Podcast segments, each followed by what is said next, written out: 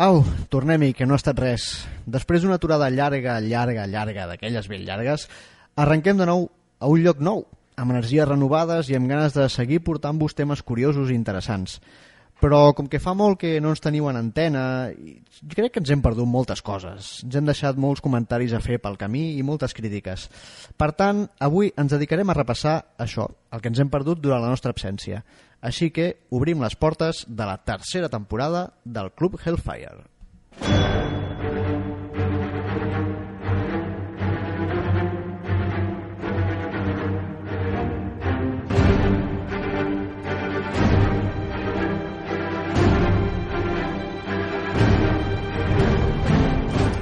I, com sempre, ho faig acompanyat de l'Oriol Estrada. Què tal, Oriol? Molt bona tarda a tothom, o molt bona nit, o molt bon dia. O molt bon dia. Estem a podcast d'aquí, cadascú que ho escolti quan vulgui. Això el que surti dels collons. Sí, eh? una mica com el que estem fent nosaltres aquí. Sí. Som a un lloc nou, som a l'espai Jove La Fontana, som Ràdio La Fontana, això ho hauríem de dir, com a Som- mínim. Som hipsters, ara. Som hipsters, estem a Gràcia, si voleu venir-nos a veure, veniu, si teniu sort ens hi trobareu.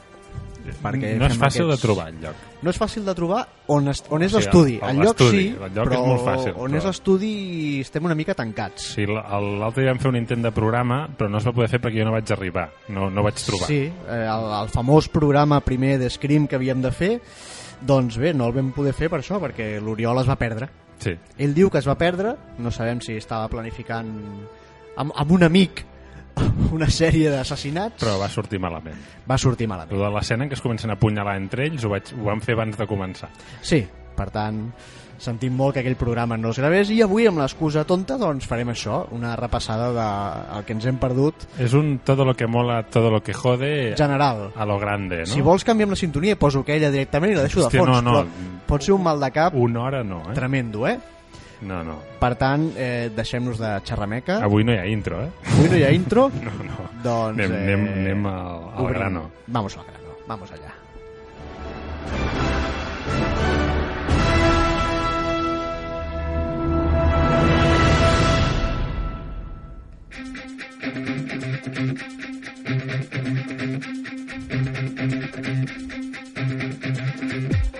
Ah, Ja va bé la... Bueno, que, Fer una mica de sumari, no?, si de cas, de Sí. sí. els temes que ens agradaria tocar. que ens agradaria tocar. A veure, tenim una llista, que més jo crec que és una llista que amb la improvisació pot, pot, Pot variar... pot anar variant. Sí. Però, si, si no recordo malament, el, Mhm. el nostre abrupte final de temporada eh, Sí, vam caure. no ens va permetre eh, parlar de Vengadores 2. Com pot ser?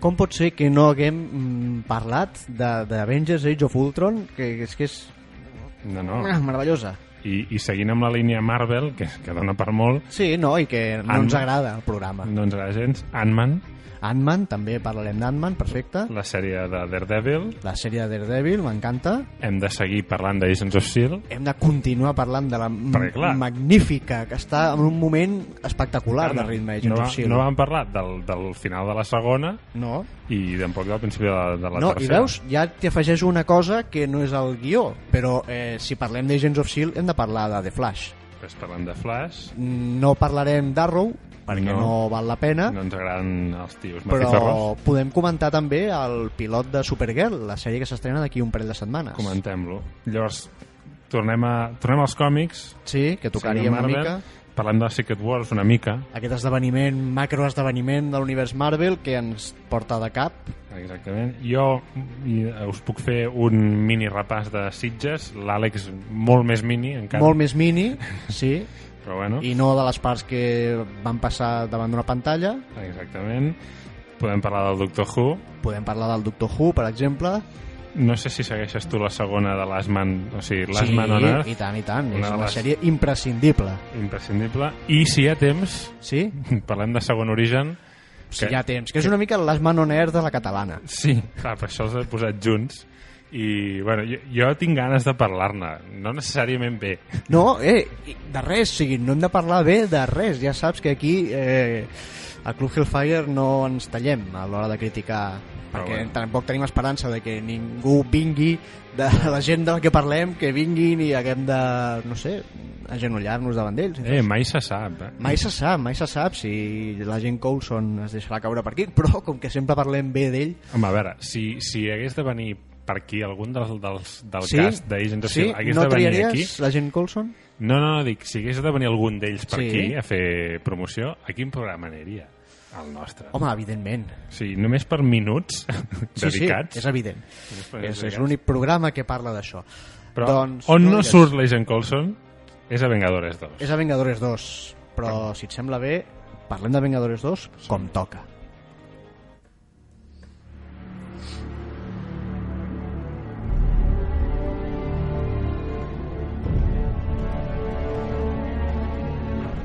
Aquesta és la banda sonora de Vengadores 2, Age of Ultron.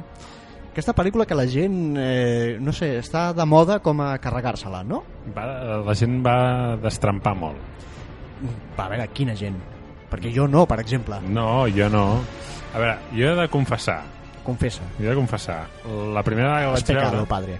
la primera vegada que la vaig veure, la vaig veure Mhm. als Icaria en una marató, Sí, fent primer Avengers, la 1 i després la 2. sí. No sé si és molt bona idea Veure les dues seguides. veure les dues seguides si no has vist una l'altra abans. És a dir, la marató feu-la ara, havent-les no t'estic vist. entenent ara. Ah, vale, o sigui, a fer la marató ja havent vist les dues.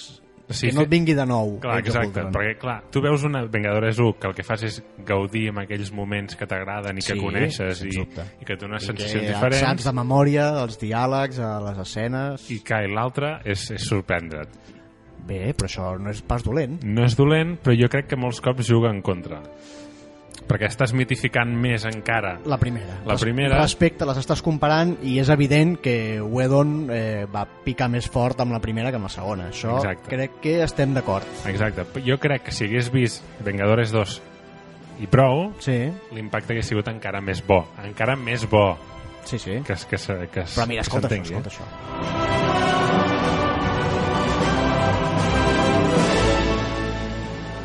Sí, que sí.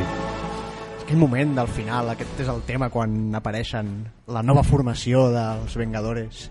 Home, Que s'ha de dir que jo la vaig, la vaig tornar a veure al cap de 4 dies. sí, no, jo també. Jo no sé si va ser l'endemà o dos dies vaig Jo, jo em sembla que la marató era un dimecres. Pot ser que s'estrenés un dimecres, la pel·li? Sí, sí, em sembla que sí. Doncs el dissabte la devia tornar Sí, alguna tornar cosa així hauria fer. I també s'ha de dir que la primera que vaig veure estava als Icària a la tercera fila Ah, amb un, amb un cantó, eh? no estàs, no estàs gaudint de la no, pel·lícula. no, sí. estava, no estava en el d'allò, però, però home, sí, sigui, jo reconec que no és el 10 de, Sí, de de Vengadores 1, Vengadores. però potser sí que és un 9, Sí, sí. 9 i cosa, vull dir, així, així de clar, i jo vaig trempar.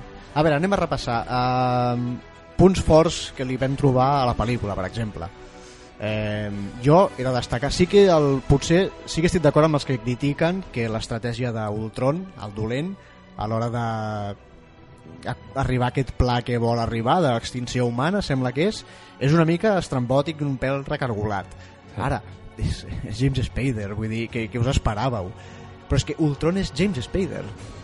Es, es mou com ell gesticula com ell la cara d'aquell robot estàs veient l'Spader és, és meravellós Hòstia, no sé si a ell Sí. li agradaria que diguessis això. Sí, perquè la, han modificat, evidentment sempre canvien aquests dissenys no, a l'hora de fer les pel·lícules sí. i al Tron li han posat una boca, per exemple, que el còmic original Bueno, no... abans tenia una boca molt oberta. Sí, tenia una boca una mica sempre de, de sorpresa i ara no, ara gesticula però és que la mou igual que l'Spader i es mou igual que ell i la veu de Spader és és una meravella. Jo crec que Ultron és una mica més guapo que ell.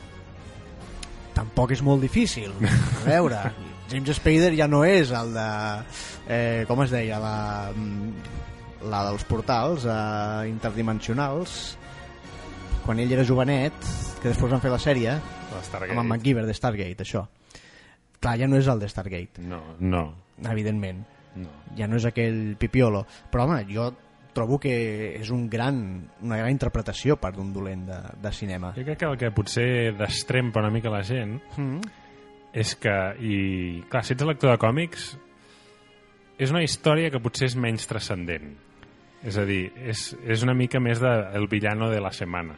Sí, és el villano de la setmana, però també hem de comptar sigui, l'hem d'englobar dintre, que és una pena, eh? perquè no, no hauria de ser així, o sigui, l'haurien de poder treure dintre del, del marc de la fase 2 Marvel i hauria de ser una gran pel·lícula, que ho és, però hem de comptar que ens està preparant de cara a un esdeveniment enorme, que seran dues pel·lícules, la Infinity War, i que doncs, has de complir amb certs requisits, no? eh, canviar una mica, o sigui, establir els punts de relació dintre els, entre els personatges, cosa que a les pel·lícules individuals doncs, no pots fer perquè estranyament coincideixen més de dos de Vengadores dintre de cada pel·lícula original, per tant has de mm, crear una mica més de dinàmica de grup, tot mm. i que la crea, pel meu gust, amb massa acció i massa poc repòs que d'això Whedon també es va queixar a l'hora del muntatge final de que li van tallar, no sé si eren 40 minuts Bueno, doncs, del metratge final. això vol dir que ens haurem de comprar la versió extendida. Mm, no sé si apareixerà.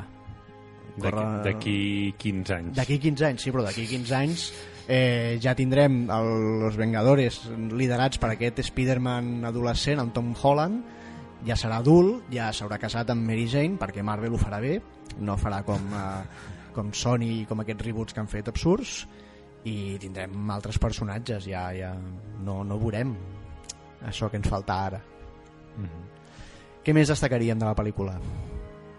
Home, jo ara, jo ara ve, veia un, un dels grans moments de, de, de trampada màxima que és aquell, aquella... És, és plano seqüència? Sí, no? Al final, m'està referint la batalla final contra Ultron. És plano seqüència. és, hi ha un moment de plano seqüència que vol Allà. emular el famós pla seqüència de la primera part I, i jo crec que ho aconsegueix, tot i que és més senzill perquè està en una sola localització, per dir-ho així, és un pla seqüència que va girant i va canviant de personatge a personatge, no és com el de la primera pel·li, que per mi és de les eh, potser el minut, minut i mig de cinema d'acció i aventures mm, que he flipat més darrerament, sincerament, Sí, sí. però sí, sí, és un pla seqüència on jo crec que destaca també el personatge de la pel·lícula, que és la Vision. Estem d'acord amb que la Vision, un cop apareix, es menja la pel·lícula. Sí, i, i aquest també pot ser que sigui un dels... O sigui, de, de les coses bones, mm -hmm. però també dolentes. És a dir, que la gent ha vist que un personatge s'ha menjat Sí, els altres, que potser eren els seus preferits. sí però també... Però és, és, és... Sí, però és que... Jo quan sí, penso en Vengadores penso en la visió. Sí, i pen... no només amb la Vision, sinó amb renovació constant dintre del grup. Sí, sí. I ja es juga això, aquesta pel·lícula. Hi ha un moment, quan ells estan protegint la ciutat aquesta imaginària de Sokovia, on els quatre personatges que estan allà fent-ho són el Capi, Ojo d'Halcón, eh, la Bruja Escarlata i Mercurio. Si sou lectors del còmic sabreu que aquesta és la segona formació més coneguda dels Vengadores. Tenim la, la formació original, en la que el número 5 s'hi afegeix el Capitán Amèrica, i després tenim el que es coneix aquí com el Quarteto Loco del Capi, que són aquests quatre personatges, i que una mica juga, eh, és aquest eh, clocada d'ull de dir, eh, estem evolucionant al mateix ritme que evolucionaven els còmics, tot i que aquí ja t'hem fotut abans a la Viuda i a Ojo d'Halcón, doncs aquí ja, ostres, ja tens aquests personatges que són els, tal com evoluciona el còmic. I l'evolució lògica, evidentment, és que després arribi la visió. I la visió arriba d'una forma que, ostres, eh, per mi eh, jo ho vaig, ho vaig veure al sortir del cinema. Dic, eh, crec que DC s'està equivocant molt amb Superman. Eh, que, bueno, això ja més o menys Això. estàvem d'acord eh, a l'hora de dir és que no, un personatge tan poderós i que vola i tal s'ha de portar amb els peus a terra s'ha de fer més realista perquè la gent se'l cregui però és que la visió és el Superman la visió cinematogràfica és el Superman de Marvel colorista, eh, sense cap mena de vergonya d'ensenyar un personatge amb una capa daurada que vola no. i que té colors llampants Sí, és, és, hi ha sempre l'argument aquest que s'ha fet servir molt per tirar ara faig un salt, eh, però Sí. el, el, la ciència-ficció japonesa, no? que Mhm. tenen tendència a fer unes, eh, unes adaptacions on tot, tot és molt... O sigui, no fan tanta adaptació. No? Quan passen a la pantalla Mhm. coses de, del manga, de l'anime, molts cops les fan tal qual. No? sí. Però jo crec que no, no és la, la frase aquella de hi ha coses que funcionen en un còmic que no poden funcionar a la, a la tele, no, ho està, ara Marvel ho està tirant per terra Exacte. Jo crec que senzillament, si tu saps fer-ho creïble, -huh. encara que vagi vestit com vagi vestit, si, si fas una història creïble i uns personatges que, que t'atrapin, ja està, i això és el que feia la visió. O sigui, Sí, perquè han fet creïble que, que no, no, no se'n va parlar massa, però uh, hi ha un personatge com el Con, per exemple, que rep un restyling, per dir-ho així, del seu uniforme en aquesta pel·lícula, que és un restyling bastant comiquero, Mm. que té uns detalls... Perquè abans va ser massa poc comiquero. Va, va ser massa poc comiquero, la versió molt Ultimate, Molt Agents of S.H.I.E.L.D. Sí, no, a veure, era calcat a la versió Ultimate, aquell halcón. Ara el que han fet ha estat adaptar aquest traje nou que porta, dintre la identitat del Capitán Amèrica, i, i portar-lo al cinema. I, ostres, fins i tot els personatges que eren menys comiqueros estan agafant aquest look. Hi ha alguns que eren molt difícils d'adaptar, com la Bruja Escarlata, que, a veure, un personatge que va amb un banyador i unes botes altes vermelles i unes mitges roses i una capa, Hi ha extrems. Hi ha extrems i extrems. Però, però jo crec que veurem un, una... O sigui, ara anava amb Veurem- xupa de no, cuero. Algo sí, veurem. la versió de la Bruja Escarlata de la peli passa que la gent no... Perquè si veus pel·lis, veus pel·lis i no veus altres coses, i pel·lis i còmics, però és que la versió de la peli és la versió de la sèrie de dibuixos animats de X-Men Evolution. Sí, sí, no, no, és idèntica. Però quan dic idèntica, és idèntica. És aquell disseny. És aquell disseny que on sortia també la Bruja Escarlata i vestia igual que la peli. I després Mercurio, aquest eh, personatge que aixeca controvèrsies una mica, eh, Sí, clar. Temes de drets. Sí.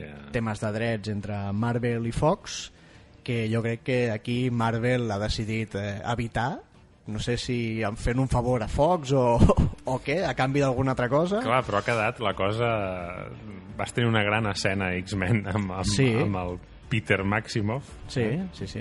i, i després tens aquí... eh, Bueno, en fi, és que és, és, és bastant surrealista tot plegat. Sí, tens un personatge que tampoc no és que aparegui molt a la pel·lícula, No, té aquell... Bueno, està allà. Sí, però té un moment al final on de, de redenció, per dir-ho així, on se sacrifica directament per salvar la vida de Ojo d'Halcón i d'un nen. Sabeu, Club Hellfire, el nostre lema, si no ho has vist ja, Home, és que, és si que no, és que t'interessa. si no l'has vist ja... No, no, és que no sé què fa sentit aquest programa, sí, és que si no no ja. ets el nostre target, has baixat això per equivocació. Tu, però escolta, Digues. uh, estaves parlant dels Vengadores originals, de les formacions Sí. dels Vengadores originals. Cosa que molta gent que només ha vist les pel·lícules no sap.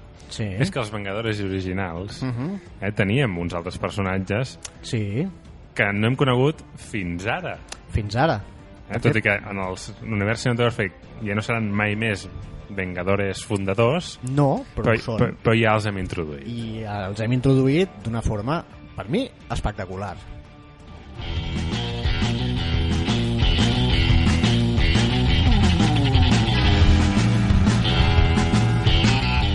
Això és la banda sonora de Ant-Man. Ant-Man. Amb aquest gran tema, també col·locada d'ull al- als lectors del còmic, que és Tales to Astonish, que és, també és un, surt pronunciat enmig de la pel·lícula, que és el, com, el nom del còmic original on es presenta el personatge. Tenim Ant-Man, personatge fundador de los Vengadores, que mm, aquí, evidentment, es replanteja dintre de l'univers cinematogràfic. Aquí és la segona generació. és la segona generació. Per Perquè- mi, molt ben pensat a com es fa aquesta segona generació. A veure, deien, pel que he llegit, eh, que o sigui, realment volien que fos Hank Pym, el, el Ant-Man L'Ant-Man, sí, sí. original. Però clar, té una història, el personatge, Hi ha una història... una mica xunga. Mm, diguem-ho clar, vull dir, era Maltractador. un maltractador de la seva dona, eh, va passar per la presó, eh, esquizo, esquizofrènic, sí, sí. Vull dir, un personatge un pèl difícil d'adaptar.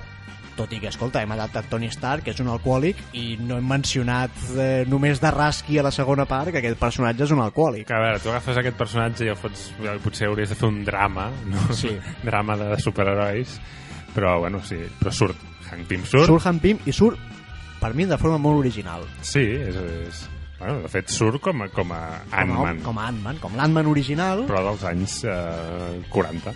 Mm, bueno, no dels anys 40, No. aquí ens es posen als anys 80, la Guerra Freda. Ah, és la Guerra Freda. Sí, Guerra Freda, amb la Vispa original també. Però surt, surt d'abans, també. Sí, bueno, surt una mica, però no tant anys 40, o sigui, potser és més anys 60 Pot i ser, enganxa pot ser ja... que fos Vietnam? O no? Hosti, és que Mm. només l'he vist un cop, ella. Sí, no, no, jo crec que és més això, eh? és més època 70 i, i Guerra Freda. I és això, eh, t'introdueix aquest personatge com el Ant-Man original, però que ara necessita algú jove que agafi el seu relleu. En més a més també ens presenta una avispa original, cosa que no esperava ningú, crec. No, al- no, quan arriba al final, però No, no, no, no al final, no, no, em refereixo a l'original. Ah, bueno, sí, sí, també, En els també. flashbacks, quan, que ja esperes, desitges veure flashbacks de l'Hombre Hormiga original, però això també posa l'avispa, i en aquell moment a mi se'm van fotre els pèls de punta. No, però després també, perquè allò tampoc t'ho esperaves. No, tampoc... Mm, es veia venir una mica més. O sigui, quan introdueixes el personatge de la filla de, però de no, Hank Pym... no la veies molt puesta. Eh? No, però veus a la filla... Home, sí, la veus molt puesta perquè ella està disposada a agafar el traje d'Ant-Man des del primer moment. O sigui, ella desitja agafar el, el, el relleu del seu pare. Però quan la presenten a Hope Van Dyne, filla de Janet Van Dyne, l'avispa original, que mm, en els flashbacks es descobreix que està desapareguda donada per morta, jo la deixaria per donada per morta, no per desapareguda del tot. Però a veure, te presenten aquest personatge que eh, es diu gairebé igual que l'avispa original. Sobretot, el look és clavat al del personatge original. Era bastant obvi que acabaria... Hòstia, el tema del look del personatge original Sí, home. La, la, la... ha tingut molts looks, la Sí. vispa, eh? Sí, però el pentinat més famós de l'avispa és aquest. O sigui, quan tu penses en l'avispa, o, pens, o ets un lector dels anys eh, 80, finals dels 80-90, quan dibuixava John Busté amb els Vengadores, on l'avispa portava... Eh, ens estem, o sigui, estem demostrant que estem bastant malalts, sobretot jo amb aquest tema. Eh, doncs sí, que esperàvem que veure l'avispa i bé, Marvel ens ha confirmat la segona part d'Ant-Man, titulada Ant-Man and the Wasp. Per tant, eh, és evident que ella agafarà aquest paper i serà la- l'ajudant de d'un Paul Rudd que, escolta'm, Per ser el nòvio de la Phoebe, sí, per mi... Ha evolucionat per molt, mi eh? sempre serà el nòvio, el marit de la Phoebe. marit de la Phoebe, al final es casen. Uh, Déu-n'hi-do, o sigui, s'ha de dir que Ant-Man veu més de Guardianes de la Galàxia, diguéssim, home, és una eh, que, que no, sigui, és una comèdia. veu de o sigui, Guardians de la Galàxia i d'Ocean's Eleven Val? És una pel·lícula de robatoris, és una comèdia de robatoris. Amb punt superheroic eh, més cap al final. Sí, on, bé, és que el tema del superheroi és un McGuffin aquí, crec, vull dir, la, la... però ja ho ha fet Marvel abans, això, o sigui, si veiem Capitán Amèrica, sí, ell es comporta com un superheroi, com un supersoldat, sobretot Winter Soldier, però és una pel·li d'espies dels anys 70, això ho hem dit sempre aquí. Doncs aquesta és una pel·li clàssica de robatoris on planifiquen tot el robatori, la incursió, hi ha un grup d'especialistes de cada tema, a cadascun més inútil, eh, vull dir, és, és una pel·li de gènere on, a més a més, hi apareix algú amb uns superpoders.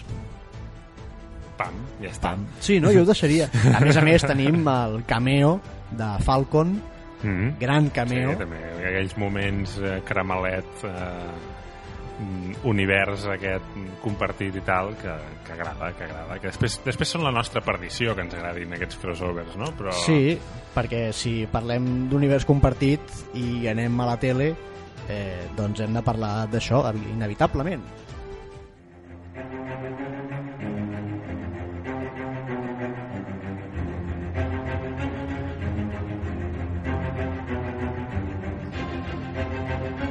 Això és Agents of S.H.I.E.L.D. Amics, com està Agents of S.H.I.E.L.D.? com està, està, està top. Està on fire. La veritat és que va acabar la segona temporada amb Molt fort. tota la trama dels Dels Inhumanos. sí, sí. Eh, amb, clar, hauríem de fer una mica de memòria, però diríem que ens Jo, jo no n'he de fer molta, que la, la vaig tornar a veure, de veure fa poc, no? fa, fa re, la, la setmana abans de que, de que s'estrenés la tercera acabava de veure jo la segona no? Clar, la, es podria dir que la segona temporada d'Agents of S.H.I.E.L.D. tanca Uh -huh. potser tanca, obre moltes coses Sí, però tanca com una mena de cicle no? que podríem dir que és el cicle de d'aprenentatge de l'Sky sí, d'aprenentatge de l'Sky, de d'anar un- d'una banda a l'altra de S.H.I.E.L.D. després de Winter Soldier, com queda Mhm. amb aquella incursió de Hydra, també tanca, sí, tanca el tema tanca això, el, el tanca en certa manera amb, tota aquella persecució de S.H.I.E.L.D. que s'acaba a Sí. la segona temporada perquè vas a la tercera i la tercera ja és per començar l'Sky ja no es diu Sky no, eh, té es el seu Daisy. nom original cosa que Sí, sí. confon molt encara i confonen Coulson en Colson el perquè confon ella encara li diu Sky, ella vol que diguin Daisy, i aquí S.H.I.E.L.D. ja és algo ja diguéssim més, més eh, estable sí, podríem dir i on ja hi volen integrar, o almenys ho està intentant la, la Daisy, integrar els inhumanos a, a l'equip, que serà Bé, com la, la gran missió, entenc jo, d'aquesta Sí, tot apunta temporada. d'aquesta temporada serà, doncs, eh, bé, la, la segona temporada acaba amb aquesta eh, eh, explosió de les niebles terrígenes del, Mhm. dels inhumanos, que de fet els còmics Marvel actuals estan una mica així també. Bueno, explosió, no, no és una explosió. Bé, no, cau a l'aigua, sí. i llavors la gent s'ho es comença... va filtrant i la gent s'ho veu, mengen peix i, Exacte. i acaben infectats, per dir-ho així, i hi ha un, doncs, un creixement un exponencial d'inhumanos, de gent amb superpoders, que els hi acaben de sortir i no sap com, com controlar-los. Mhm. Llavors creen aquesta mena de grup especialitzat per detectar aquesta gent i agafar-los i entrenar-los o com a mínim eh, ensenyar-los a, a fer servir els seus poders després ja veuran si els aprofiten pel grup o no. Mhm. però estan així incorporant doncs, eh, metahumans, com els diuen eh, dintre de, del grup per, bueno, i tot apunta que ens trobarem en una batalla contra els inhumanos Mhm. liderats per el Lash, que és aquest personatge que apareix fugaçment és el primer episodi, em sembla que apareix?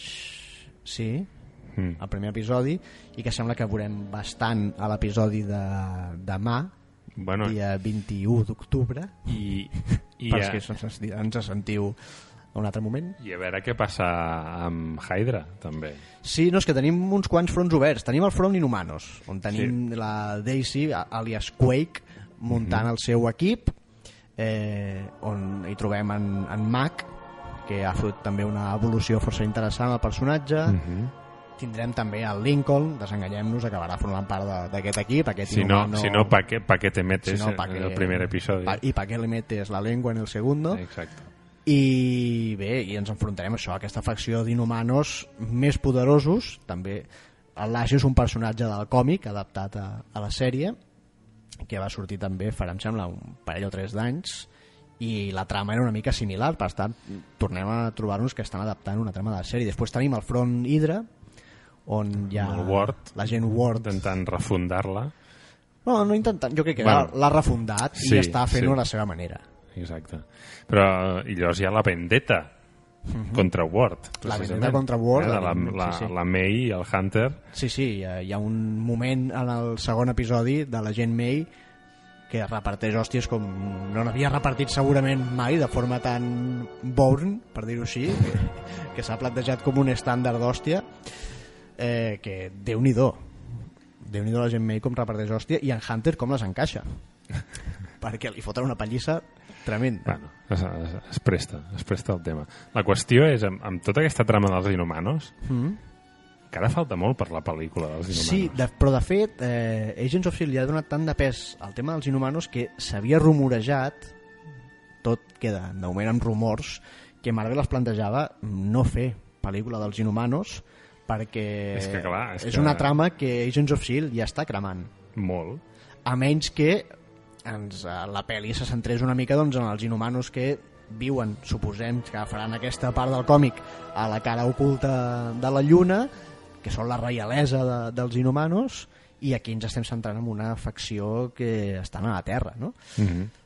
però, Però clar, dius, hòstia, com... Que són molts... Que l'Inhumanos que era 2019. 2019 Clar, poden passar moltes coses eh, amb els Inhumanos a S.H.I.E.L.D. encara. poden passar moltes coses i no només amb inhumanos però és que a més a més ens hem deixat un tema eh, que serà important també en aquesta tercera temporada que és el monolit que apareix al final de la segona recordem que els inhumanos són d'origen Kree aquesta raça alienígena blava que es va presentar a Guardians de la Galàxia i que ha seguit present a Agents of S.H.I.E.L.D. a la segona temporada al final apareix un monolit suposadament Kree del que no saben res però que al final Que, que fa por. fa una mica de por Als Inhumanos els fa por. Sí, i al final de temporada eh, se'n passa la, la Gemma Simmons. Mm -hmm. I... Ja, no direm més. No direm, jo crec que sí. No, home, no, no? jo crec que sí que... La gent ja ho ha vist. No, encara no. Tothom no. Val, però escolta, escolta, que Tothom no ha vist. les nostres normes s'apliquen només en un cas i no en uns altres, no ho entenc, eh? Amb aquestes, aquestes alçades jo crec que encara hi ha gent que no ho ha pogut, que no ho ha pogut veure, saps? Bueno, si, si tu creus que no, Deixa- no ho hem de dir, no ho hem de dir. Jo crec que això en, encara té un període... Posa- Posa-li un mes. Val, doncs fem una un cosa. mes. No, no ha passat un mes encara. Val. Establim que hi haurà tres línies. Tenim la línia eh, de Daisy i el seu grup contra els inhumanos, Exactament. eh, la gent May i en Hunter contra Hydra, Mhm. i un tema dels Kree que bé, A es pot entrecreuar amb els inhumanos, ens pot portar a altres eh, pel·lícules com Guardians de la Galàxia o bé, és això, no sabem per No on sabem. sortirà però la veritat és que tot apunta que sortirà de puta mare perquè tal com va, estan va per tractant camí, va per camí, va per camí. Després eh, parlem de l'evolució de, de, de Sky, del personatge, però eh, en Fitz, per mi és el personatge Sí, que ha sí. fotut el salt endavant. Que ha tingut una recuperació també.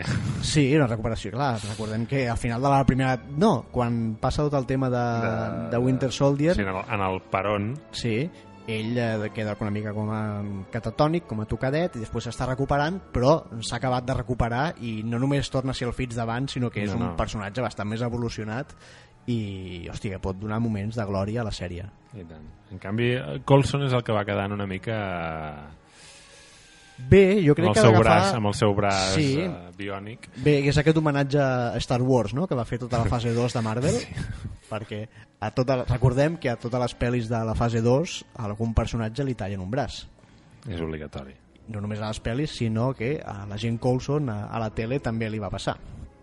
Pobret. Sí, recordem, ostres, a, a Ant-Man... Ara no recordo, eh, Ant-Man. No, Ant-Man no. Bueno, Ant sí, Ant-Man, Sí. al final, quan ell li llença el disc i redueix el, la xaqueta amarilla, el primer que li desapareix és un braç. Hòstia. És aquest moment, eh, potser més patillero, però l'homenatge a Luke Skywalker segueix estant allà. Pels pèls, pels pèls. Pels pèls.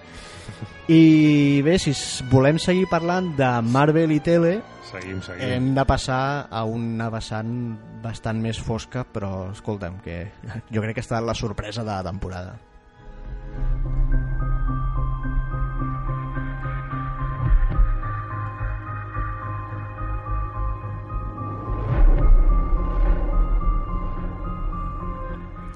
Això és Daredevil. Daredevil. Daredevil. Uh, S'ha de dir tu la vas veure en marató. Jo la vaig veure en marató i l'he tornat a veure fa res a ritme d'un episodi per dia i segueix sent una meravella. Mm, jo començaré un, pues, ser una mica més crític. Crec Ah, que endavant. li costa arrencar. Una mica. El, si, si el vas veient, com jo l'he anat veient episodi a Mhm. episodi, li costa una mica arrencar. Que tu vas veure tot seguit, Sí, sí, però ja et dic, l'he tornat a veure ara així. que ja l'havies vist. Val, eh, digue-li com vulguis. Jo crec que els dos primers és dius...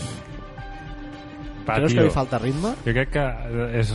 Va, ensenya-me-lo una, una mica més. Una mica Home, més. perdona, els dos primers, al final del segon episodi, tens a la meravellosa batalla del passadís Sí, en sí, sí, seqüència sí, i sí, l'està sí. ensenyant xitxa, t'està ensenyant el Sí. potencial, sobretot en el nivell de violència en el que No, no. vol moure's la sèrie.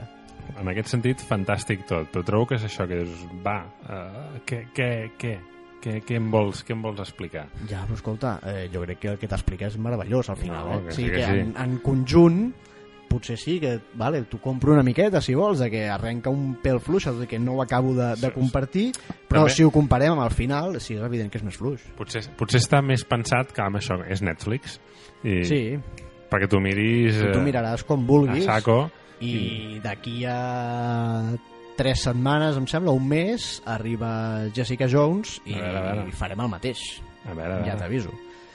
Què destaquem de Daredevil? Uh, què destaquem? Uh, destaquem a ell, Sí, a ell. Jo destaco les hòsties. Sí, déu nhi Eh, com encaixa. Daredevil. Bueno, es nota que és fill de, de, del boxador que és, de- d'en Jack Murdoch, que era una mica el Rocky de l'època, però que tampoc guanyava al final. Destacaria el to, el to general no, no ens enganyem, és el Batman de Marvel, Daredevil, Sí, pel, pel, bueno, però sense pasta. sense pasta, però vull és dir, encara ah, més lamentable. però és el sentit fosc, no? de, el sentit del carrer, el sentit de Hell's Kitchen. Sí, és el, bé, és el personatge que ajunta... mm, Segurament no té... Clar, però això no hi ha cap personatge que ho tingui. El, el nivell de, i la varietat d'enemics que té en Batman, No, no. Això no hi ha personatge al és, còmic és, que- És, és més barrio que bajero. comparteixi. És més barrio bajero, no hi ha tant de superpoder, però... Però bueno, és Frank ha- Miller, és Frank Miller. ha- és Frank Miller perquè tenim ninjas, eh, tenim, bueno, tenim la Mano, tenim l'Stick i tota aquella banda de ninjas que el va entrenar quan ell era petit, tenim un Kingpin que es menja també la sèrie, o sigui, per mi la sèrie és, es diu Daredevil, però es podria dir perfectament mm, Kingpin perquè eh, una cosa que aconsegueix la sèrie és posar A al més, mateix nivell Kingpin blanc, Sí, com, bueno, com, com Gràcies. Com, a, com és. com, com ha de ser. Eh? Ja no com ha de ser, sinó com és. No, no, no hi entrarem més aquí. Eh, però per mi posa la mateixa alçada de protagonisme en Daredevil i en Kingpin. Perquè hi ha moments en el que eh, Un superheroi es Et mesura creus- per la talla dels seus enemics. això ho tenim claríssim. I Kingpin és un enemic de gran talla. Ja no... no Bueno, a veure, s'ha de dir que surt una mica més primet que els còmics. Sí, però és que ja hauríem de començar... O sigui, tu has vist eh, la mole que apareix a Wolverine? Sí. Val? No volem això, per favor. Gent amb papades de plàstic, no. No, no. Vale? Per tant, ja assumeixo que Vincent D'Onofrio, eh, rapat, fa un grandíssim Kingpin.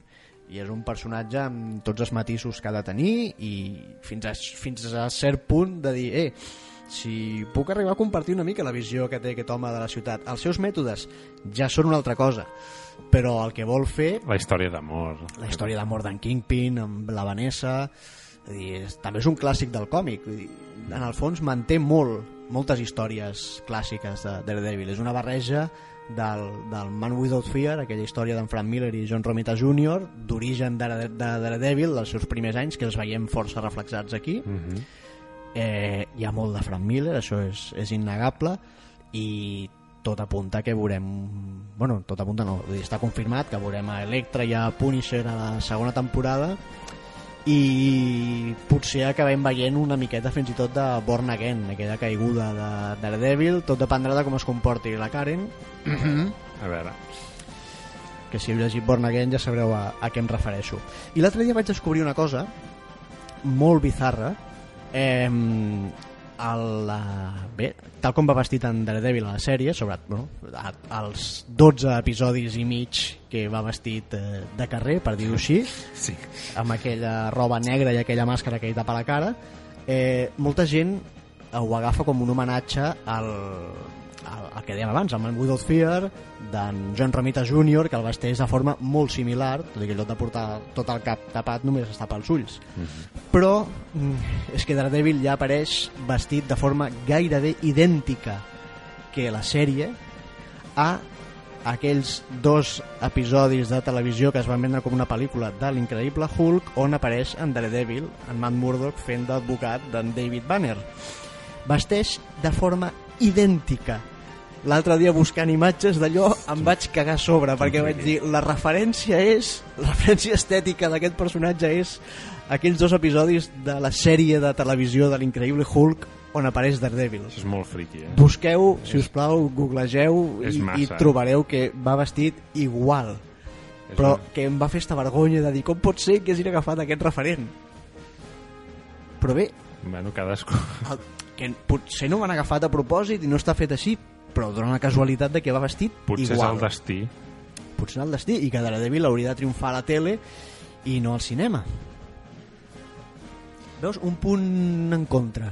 L'uniforme definitiu de Daredevil. Mira, ja que anem avançant, ja que, ja que parles de, de coses que funcionen bé a la tele, coses que funcionen bé al cine, no sé què, mm. jo recordo una pel·lícula que a mi m'agradava molt, perquè més estava enamorat, sí, però que és un tronyaco de pel·lícula, això passa de superheroïna, Ahà. eh?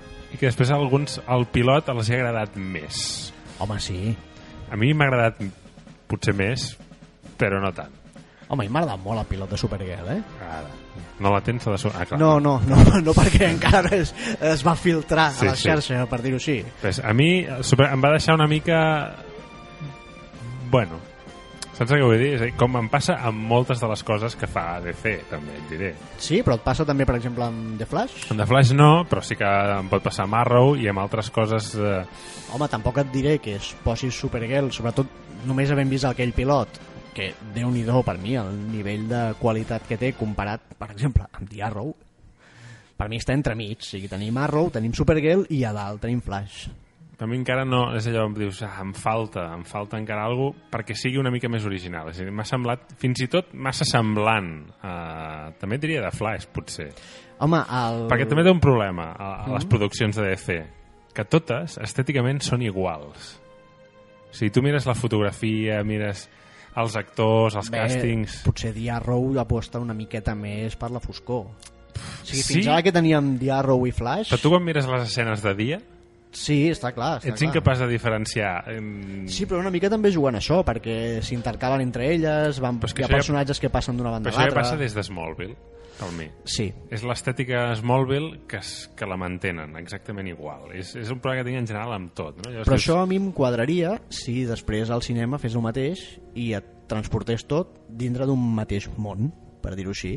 El que passa que no quadren el món cinematogràfic i el món televisiu de DC. No, gens, gens, gens. En canvi, mira, mm, Marvel sí que ho fa una mica millor. No, jo crec que amb això Marvel els hi passa la cara mm, sí, els hi passa la mà per la Total. cara perquè bueno, no tornarem a, a fer el que fèiem fins i tot a Daredevil que és de Netflix eh, tenim referències a, Mm. a les pel·lícules de Marvel i bé han arribat a parlar de que és molt difícil que personatges al cinema es deixin caure per les sèries de televisió però que no descarten que personatges de la tele com ara Daredevil acabin apareixent una mica Bueno, alguns hem tingut, eh? A Agents of S.H.I.E.L.D. hem tingut la Maria Hill, hem tingut a Ja, però estem Samuel parlant, L. Jackson, sí, hem tingut estem parlant a de Maria Sif. Hill, estem parlant sí, de, de Sif i de Evidentment i no de et vindrà el. Capitán Amèrica Ah, perquè això- cobra, cobra el que cobra. Però això em refereixo. I ja que està. és més fàcil que eh, aparegui en el senyor Cox fent de Daredevil a, a Civil War Ara, però després et trobes a l'Instagram de la,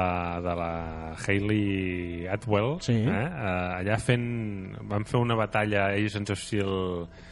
Sí, Agent Carter, Agent Carter, eh, de Dub- de Dub Smash. de- d'això, Dub Smash i, i et surt el Capitán Amèrica per allà i et surt home, perquè ells tenen cameo Hayley Atwell, a veure, és Peggy Carter Clar, clar, però Ah. dius, conyo, si, si, si el convenceu per fer aquestes tonteries, que surti un dia Agents of S.H.I.E.L.D., no? No et costa Mira, res. ja la- l'excusa més plausible i més lògica dintre, dintre d'aquest d'aquest univers és que en Coulson és mort per ells. Per tant, eh, si ara... Bé, que és una carta que poden jugar per la Civil War. Mm. Dir, pel fet de que eh, Capitán Amèrica i el seu grup eh, se separi de la colla d'Iron Man i de S.H.I.E.L.D. i de la legalitat pot ser aquesta la gota que faci vessar el gondol descobrir que fins i tot amb el tema de la mort d'en Coulson els han manipulat Hòstia, però jo, veus, a S.H.I.E.L.D., precisament per la sèrie, els veuries més al costat del Capitán Amèrica. sí, sí, sí, sí. Eh, és evident, eh? Vull dir, veus més a, a S.H.I.E.L.D. a la banda de, contra el registre que no pro però bé, no sé, estem deixant aquí uns arguments sobre la taula a veure què, què passa està. seguim amb, amb les sèries de DC amb Supergirl Vinga, de Flash. i The Flash The Flash és... Uh, de Flash ja et vaig dir que m'he de posar al dia, perquè... T'has de posar al dia què has acabat de Jo no he acabat de veure No has acabat de veure la primera temporada No, no, encara. Em falten dos o llavors, tres. Què, què puc dir? Què no puc dir? Mm, No puc dir res. no, no em deixes rebentis masses coses, però... No et rebento massa coses. Tampoc, tampoc sóc un obsessionat anti-spoilers, eh? Però... No, a veure, el que direm de la segona temporada de Flash és, per exemple, que si ja era una sèrie que jugava sense complexes, eh, que està adaptant un còmic, i jugava doncs, a posar nom als dolents, nom de, noms ridículs als dolents, a que ell va vestit de vermell des del primer dia, no han fet una adaptació de l'uniforme més realista, no, no, és Flash, és Flash. A més a més, en aquesta segona temporada el logotip ja té el fons blanc, com el còmic original. Mhm. Doncs encara van menys complexes i ja juga amb bé, amb, segurament el que és la base de, del personatge una mica de, de Flash, que és la força aquesta de la velocitat i les realitats paral·leles, els viatges en el temps i tot això t'ho posa damunt de la taula i, i la veritat és que eh, si, per, per mi s'està convertint en una fringe amb protagonistes adolescents Mhm. T'ho dic ara sí, eh? ja, ja ho vaig dir al final de, del segon episodi per, per Twitter. Tinc la sensació de que estic arribant a veure Fringe, evidentment, dintre de la qualitat, sí, clar, no, no hi ha un John Noble allà, però, ostres, estic disfrutant tant i estic esperant tant cada episodi de The Flash com esperava els de Fringe. I això m'està passant amb molt poques sèries. Segurament amb Agents of S.H.I.E.L.D., amb Flash i amb una altra que tenim a la llista també per parlar-ne. No sé si vols que anem a parlar d'aquesta o... Perquè no sé si saps a quin em refereixo. La tenim a la llista i és de Last Man on Earth. Home, va, som-hi. I, Anem a parlar de i- les i- Man on I Earth. parlarem de segon origen. No, però jo crec que abans de segon origen tocarem el tema que, que també tenim a la llista que és interessant. Home. Pues, Last Man on Earth? Sí, les Man on Earth. No, no, no hi ha, no hi ha tema. És com Lost, hi ha un... Sí, Last Man on Earth, eh, qui no l'hagi vist, a la primera temporada, perquè ara estem amb el quart o cinquè, ja, eh, cinquè? quart, quart, Quart. de la segona, sí. quart de la segona uh, per mi va ser una de les últimament, o sigui, amb el tema sèries no? amb el boom de les sèries i tal gairebé tot tira per lo dramàtic Uh -huh. i en canvi el tema comèdia és, és algo que com que sembla que no interessi tant i no s'escriu tant sobre les comèdies i no es parla tant de les comèdies quan per mi l'any passat, o sigui les temporades passades diguéssim, van aparèixer dos coses brutals que va ser Man Seeking Woman Man Seeking Woman, correcte. N'hem parlat molt, em sembla, ja al programa. Sí, va aparèixer això, que per mi va ser brutal, i després Les Man on Earth, que també em sembla una sèrie fantàstica. Jo t'hi afegiré una tercera que potser no està a l'alçada d'aquestes, que és You are the worst, eres lo peor, s'ha traduït aquí, que és una traducció bastant literal, no ens queixarem, Sí.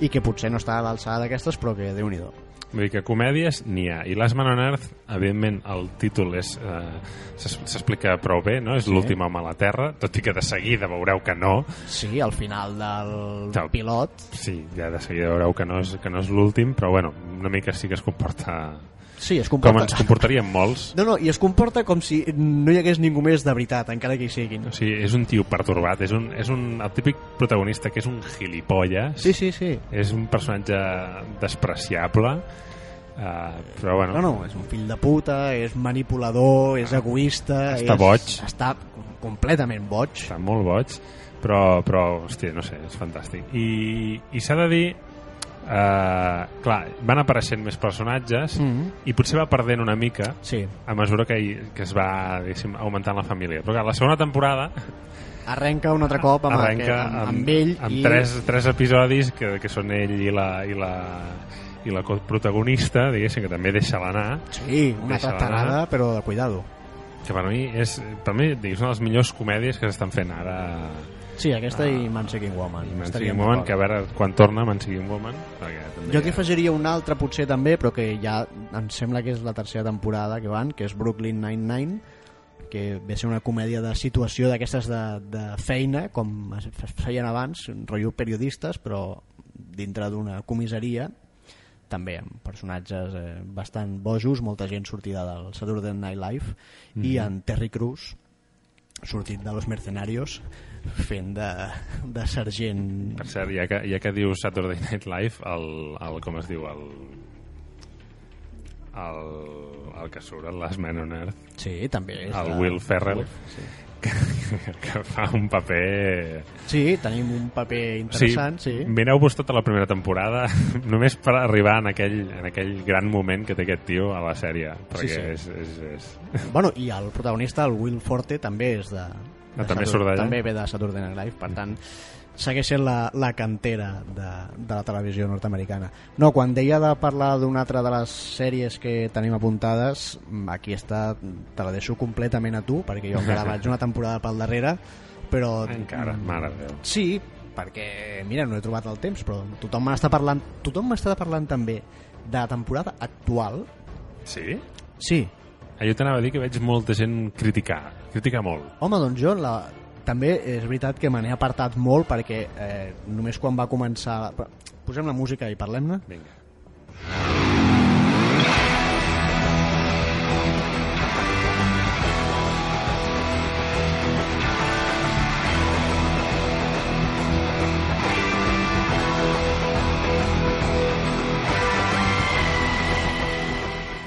Doctor Who amb guitarra elèctrica Per mi, meravellós. Sí, Doctor Who, a la nova temporada, que ha passat una mica més desapercebuda, no sé per què, que l'anterior, no? suposo perquè és la segona del, Del Capaldi, clar, del Capaldi, és- però, hòstia, jo, bueno, l'excitació jo crec que, que hi era, però no s'han fet tantes històries com es van fer, no? Que això ho agraeixo, eh? perquè a mi el que em va apartar d'aquella temporada van ser totes les històries que es van fer amb el canvi de doctor i les anàlisis... Això, tot sem allò. això sempre passarà quan hi hagi un, un doctor nou. Doncs això. m'hi hauré d'apartar quan hi hagi un de nou, tu. Però bueno, jo crec que la temporada... eh, Molta gent va, va anar- va anar-se destrempant amb la primera del Capaldi, o sigui, va començar superbé i sí, potser no ha anat tan, tan d'allò, però hosti, jo crec que la segona ha començat molt, molt, molt a saco, Sí? molt a saco, i, amb, i a mi amb algunes coses amb uns punts com molt clàssics. Uh -huh. Vale? I a mi això, doncs, mira, m'agrada. Ah, doncs mira, a mi els- una veus una altra opinió positiva. a mi els dos, els dos primers episodis em, em, em porten a pensar en, en Genesis of the Daleks, no? que és de, de, de, dels 80 o finals dels 70, vull dir, amb el Tom Baker i coses d'aquestes, no? amb la qual dius, hòstia, i, i té aquest punt més, més, més antic. Què passa? Que han afegit algunes coses que a alguna gent potser no li ha agradat. Això de que el Doctor Who surti tocant la guitarra elèctrica, alguna gent és ala, ala, ala, on vas amb això, no? Però, el, però eh, la meva pregunta és, el Doctor Who toca la guitarra elèctrica a cada episodi? Bueno, ja porta dos episodis tocant-la. Bueno, vale. Però és que la sintonia és amb guitarra elèctrica, collons. Ja, ja, però bueno, però abans era amb sintetitzadors i no tocava el sintetitzador. Però vull dir que per, que per això l'han fet amb guitarra elèctrica, perquè en aquesta temporada doncs, el veurem posant-se a l'ampli. Vale, però jo em refereixo que en altres temporades l'hem vist amb el rotllo del Fez, amb no sé què.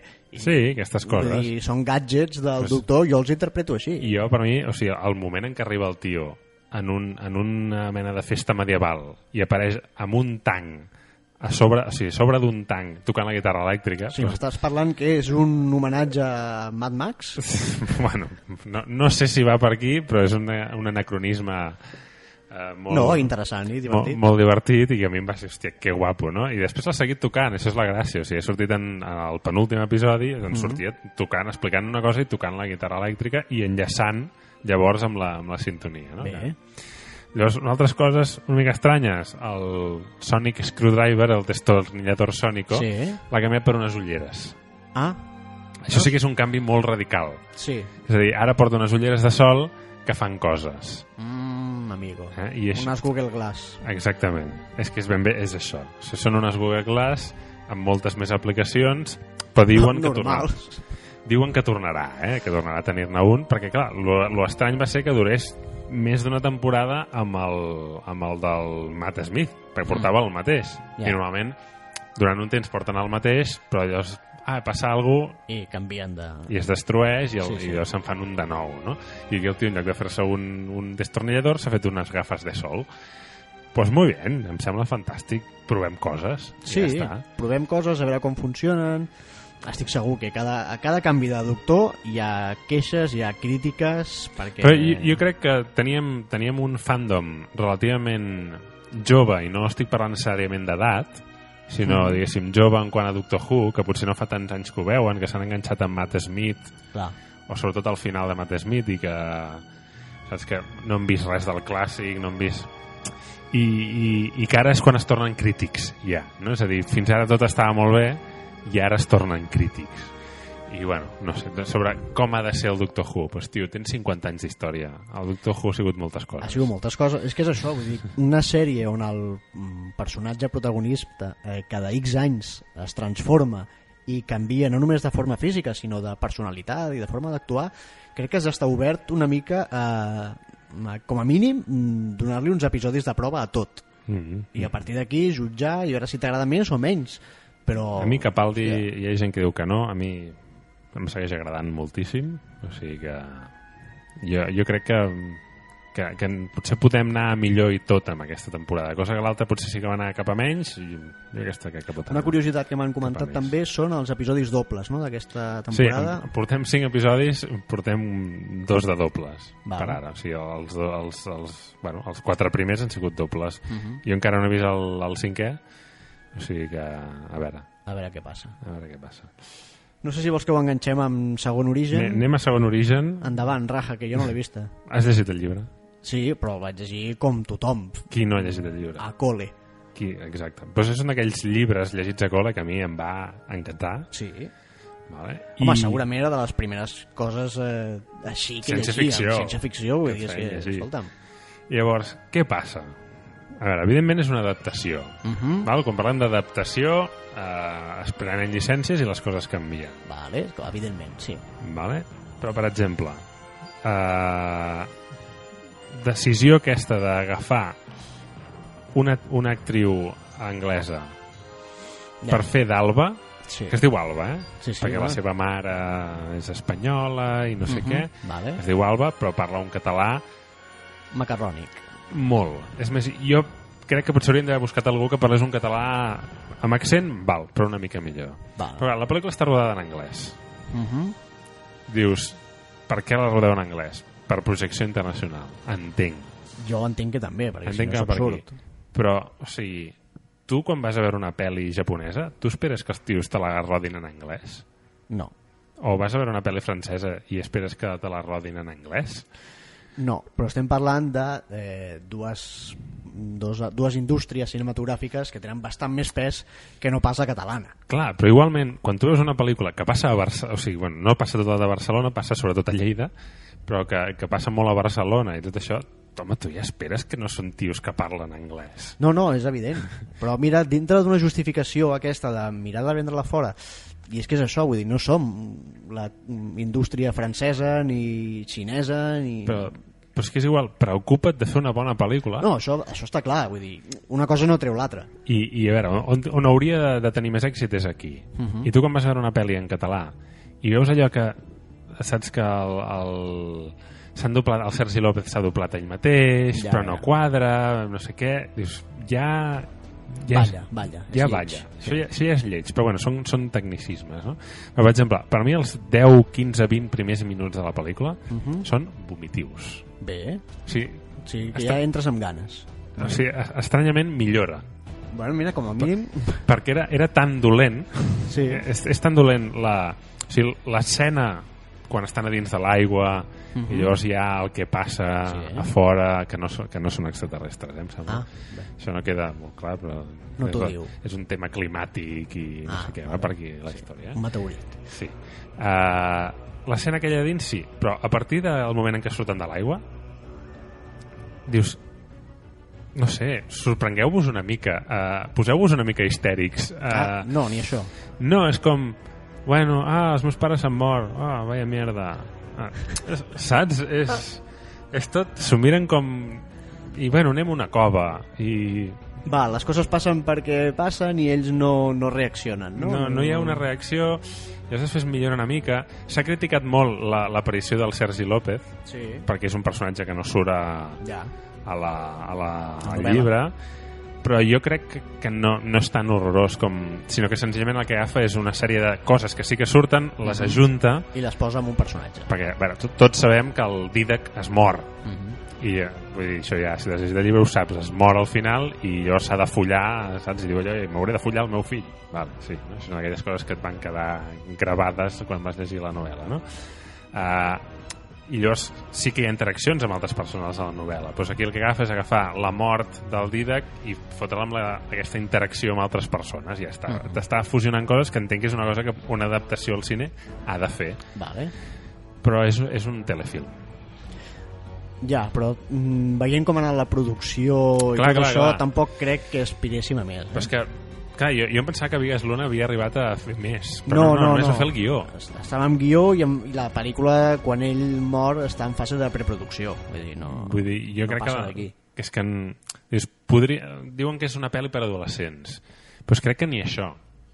És a dir, Ja. el llibre ja era molt per adolescents. Sí, Vull dir, tu te'l pots llegir ara i t'agradarà, però era molt per adolescents. I trobo que tot aquell punt que té de la sexualitat, del Mhm. descobriment de la sexualitat, que en el fons és un Sí, dels grans sí, sí. temes, que Vigues Luna hagués tractat, d'una altra manera, segurament, i millor. pues, aquí desapareix gairebé. O sigui, sí que hi ha el moment que ella té la regla, el moment que no sé què, però desapareix. I el viatge a Barcelona, jo llegia una, una crítica que deia que sembla que el Camp Nou sigui més important que el fet de que hagi desaparegut Ah. pràcticament tota la humanitat. Ja. I és, veure, el moment Camp Nou fa gràcia, Mm. sí, però sí que és veritat que sembla massa important. Ja. I l'únic que veus de Barcelona és, el, és pràcticament És el Camp Nou. el Camp Nou i la plaça Catalunya. I dius, Bueno, Ah. potser no hi havia pressupost per, per buidar digitalment altres parts de la ciutat, no ho sé. Mm, No, no. A veure, sí, s'ha de dir que hi ha alguns planos que el, els aprofiten, sobretot de Lleida destruïda. sí, Aprofiten, no? bueno, és més fàcil, eh? Apro veure, no aprofiten, eh? L'aprofiten bastant. Però jo ja et dic, és una pel·lícula que comença tan malament que després Mhm. ja és allò, bueno. Val. Eh, em sembla estrany, però se'ns està acabant el temps i jo ara em prendré una petita llicència i és sense posar la sintonia de tot lo que mola, tot lo que jode, commemorant el dia que és avui i com que ens queden segons, eh, voldria posar això.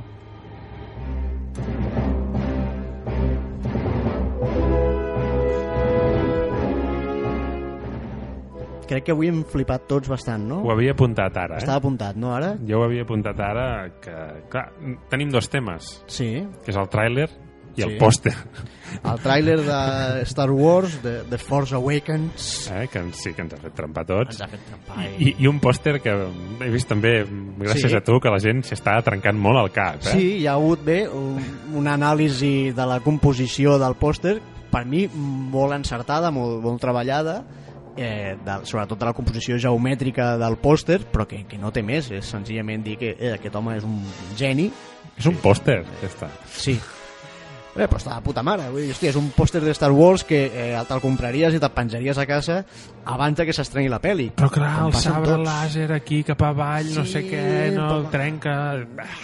Ah, deixa't hòsties. Uh, mola i punto. I el tràiler, el s'ha de dir que jo no he volgut ja expressament... La gent ja es coneix tots els putos personatges, ja se sap els seus noms i totes aquestes coses, saps? El, el, el dolent aquest de Kylo l'espasa, Ren, aquest. el Keylor Navas aquest de, Kylo de Star Wars, Kylo Ren, Sí, sí. Sí. Uh, que jo no ho sabia, que es deia així, que tenia una Sí, història, sí, sí. i jo no sabia res d'això, me n'he enterat tot ara. Que jo m'havia fet les meves especulacions de per què Mark Hamill no surt al pòster ni al tràiler. ni el tràiler. Bueno, però això ens estem fent tots, no hi ha res confirmat. Clar, la meva ara teoria, després que m'expliquessin qui és el Keylor Navas aquest, Sí. eh, clar, és, no, clar, com que va néixer el, just quan es va acabar la batalla d'Endor, i deu ser la reencarnació de l'Ado Oscuro d'en Luke. Jo, jo deixo Per aquí. exemple. Sí, és una... Saps? És, és allò, una va deixar enrere el, suposició. el lado oscuro i va anar a parar en, en aquest noi. Bueno, és Jo una mica sé. estrany, eh? És com... Eh, midiclorianos, tio. Sí, no, espero que aquesta paraula no aparegui en tota la trilogia nova. Espero, eh, que el senyor Abrams no posi els midiclorianos. Però, ostres, Gungans no n'hem vist. no, ni Gungans, ni, ni Jar Jar Binks, ni coses estranyes. Hem vist eh, coses que ens recorden a la trilogia original. Mhm. Hem vist el Falcó Milenari colant-se dintre d'un destructor destruït, valga la redundància. Hem vist algú que sembla una nova estrella de la mort. Sí, hem vist uns dolents que fan una miqueta de por una altra vegada. No Mhm. com aquell, eh, com es deia, el, el, el Parks, el Ray Parks. El Darth Maul. El Darth Maul, que només feia por en el pòster.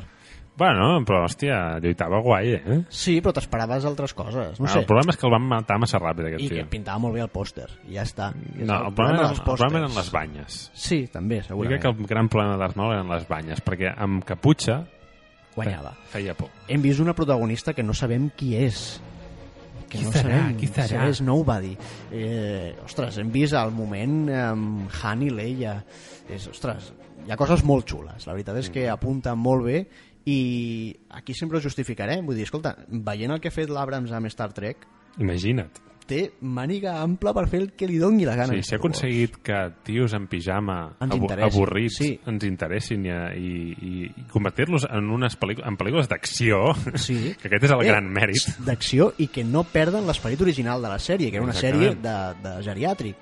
Mm -hmm. i la converteix en una d'acció, ostres, eh, ho trobo molt molt lloable i escolta'm, que faci el que cregui necessari amb Star Wars perquè de moment tot pinta de que estarà de puta mare A veure.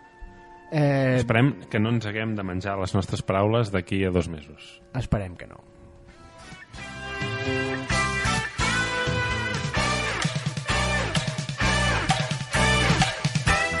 I com que tot el programa ha estat un tot el que mola, tot el que jode general del que ens havíem perdut sí. mentre no hi érem, eh, posem la, sintonia per acomiadar-nos. Mira, et diré et diré, t'ho faré i et diré que Va, fes. tot el que mola ha sigut els Sitges d'aquest any per mi. Sí? T'ha molat? Si tu ho l'havies he- vist? Sí, ho he clavat amb pràcticament totes les pel·lícules. Molt bé. Un, noms de pel·lícules recomanades. Mira, Turbo Kid, Bé, apuntava molt bé del, del tràiler. Love and Peace de Sion Sono. Aquesta Mhm. ja, sé que ja en parlarem algun dia que parlem de, d'aquest tema. de pel·lis japos i, i també hosti, és, que, és que són moltes realment eh? sorpreses com Assassination Classroom que em pensava que seria un trunyaco de- d'adaptació manga i a mi m'ha agradat Mhm. i Attack on Titan, eh? Ataque a los Titanes que tothom l'ha criticat tant, per mi la primera em sembla fabulosa Perfecte. Doncs jo, eh, reprenent el tema Sitges, faré un todo que jode, que és el cadàver de Ana Fritz, que citant La Vanguardia pone de nuevo en relieve el debate sobre la necrofilia, ese debate que... un debat en el que crec, poso la mà al foc, el 99% de la gent estarà en contra, per tant és un debat un pèl absurd, estem esperant que en Basté obri el debat obri el debat, i, i m'agradaria saber qui anirà a defensar la necrofilia. bueno, Jo crec que home, si... uns quants franquistes? si ningú s'hi presenta potser la Rahola agafa i ella mateixa ho defensa doncs deixem-ho aquí. Ens sentim la setmana que ve si tot funciona i no... bueno, la que, la que ve ja et dic que no. La que ve no perquè tenim Saló del Manga Tenim no? Saló del Manga. tenim Saló del Manga i tenim l'Oriol eh, atabalat. Molt, molt. potser passem per Saló del Manga i Expliqueu- no sé, expliqueu-me ja alguna fem alguna cosa per allà. També, eh? per tant, atents a Twitter que ja anunciarem quan tornem. Així que, fins quan sigui. Adéu. Adéu